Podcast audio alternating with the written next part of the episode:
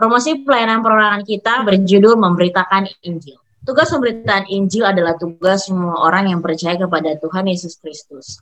Pemberitaan Injil adalah tugas yang tidak bisa ditawar.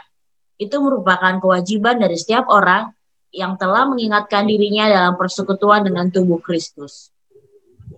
Paulus mengerti dan memahami bahwa tanpa Injil, semua kaum di muka bumi akan binasa.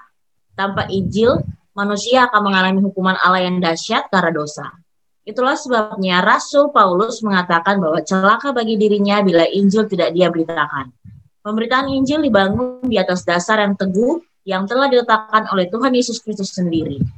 Landasan pemberitaan Injil dimaksud ada empat. Ya, yang pertama, orang percaya diperintahkan untuk memberitakan Injil. Setiap orang percaya mempunyai kewajiban untuk memberitakan Injil. Yang kedua, Pemberitaan Injil disampaikan kepada segala bangsa dan juga kepada orang-orang yang menolaknya. Hal ini berarti bahwa tugas kita adalah memberitakan Injil, entah dari mana, entah, entah diterima atau ditolak, tetap penginjilan harus dilakukan. Pemberitaan Injil dilakukan dengan berbagai cara. Ada strategi yang perlu dilakukan supaya penginjilan kita efektif, yaitu dengan cara bisa beradaptasi dengan orang yang kita injili. Dan yang terakhir, yang keempat, Orang-orang perlu mempersiapkan, dipersiapkan dan diutus untuk memberitakan Injil. Sudah merupakan kewajiban dan tanggung jawab dari setiap orang yang telah percaya pada Yesus untuk menawar, mewartakan Injil kepada setiap orang, baik melalui perkataan maupun perbuatan atau cara hidup kita.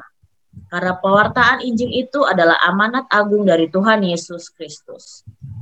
Salah satu kutipan dari buku Membina Kehidupan Abadi halaman 93 dikatakan bahwa mengenai kehidupan dan kematian dan pengantaraan Kristus yang telah dinubuatkan para nabi harus diteruskan oleh para rasul selaku saksi-saksi. Kristus dalam kerendahan hatinya, dalam kemurnian dan kesuciannya, dalam kasih yang tiada taranya harus menjadi pokok pikiran mereka. Dan untuk memberitakan Injil secara sempurna, mereka harus menyatakan juru selamat bukan saja sebagaimana dinyatakan dalam kehidupan dan pengajarannya, melainkan sebagaimana dinubuatkan oleh para nabi perjanjian lama dan sebagaimana dilambangkan oleh upacara-upacara korban. Marilah kita terus memberitakan Injil kepada setiap orang, pada setiap teman kita yang kita bisa temui melalui perbuatan dan juga uh, perkataan kita. Tuhan memberkati.